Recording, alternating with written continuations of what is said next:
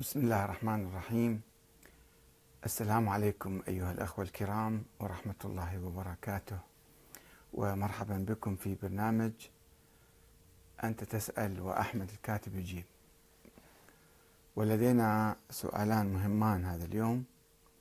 السؤال الأول لماذا تؤيد المشاركة في الانتخابات العراقية القادمة؟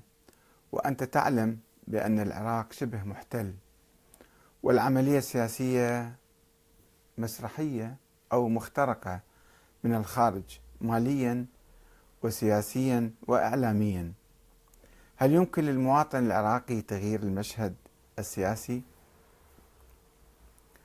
في الحقيقة كانت هناك عدة دعوات لمقاطعة الانتخابات وعلقت عليها بأن المقاطعة لا تسقط هذه العملية ستكون مقاطعة خفيفة وليست حلا. آه، هناك من يقاطع لأنه يقول بأن الوجوه لا تتغير وهذه الوجوه فاسدة والأفضل أن أجلس في بيتي ولا أشارك في هذه الانتخابات. والبعض ممن يدعو للمقاطعة أو دعا سابقا حتى هو أساسا ضد العملية الديمقراطية من أساسها. يقول هذه عملية ديمقراطية جاء بها المحتل وبالتالي فهي باطلة ولا يجوز المشاركة فيها. وهذا الكلام سمعناه حوالي الآن 15 سنة. ولكن في الحقيقة إذا لم يكن هناك دستور ولا انتخابات ولا عملية ديمقراطية ولا انتخابات. فماذا كان سيحدث بعد رحيل المحتل؟ سواء بصورة سلمية أو بصورة يعني هو قرر في يوم من الأيام أن يخرج أو بالمقاومة المسلحة. المقاومة المسلحة وحدها لم تخرج المحتل. وبالتالي العملية السياسية هي التي أخرجته أيضا. بالتنسيق والتعاون والعمل المشترك مع المقاومة المسلحة هذا لا شك فيه وكان لها دور كبير في إجبار المحتل على الرحيل.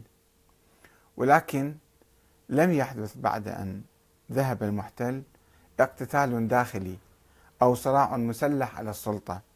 كل حزب كل جماعة مسلحة تأتي إلى بغداد تحت العاصمة وتفرض رئيسها كما حدث في أفغانستان عندما انسحب السوفيت ولم يكن المجاهدون الأفغان قد اتفقوا على نظام أو على دستور أو على حكومة معينة.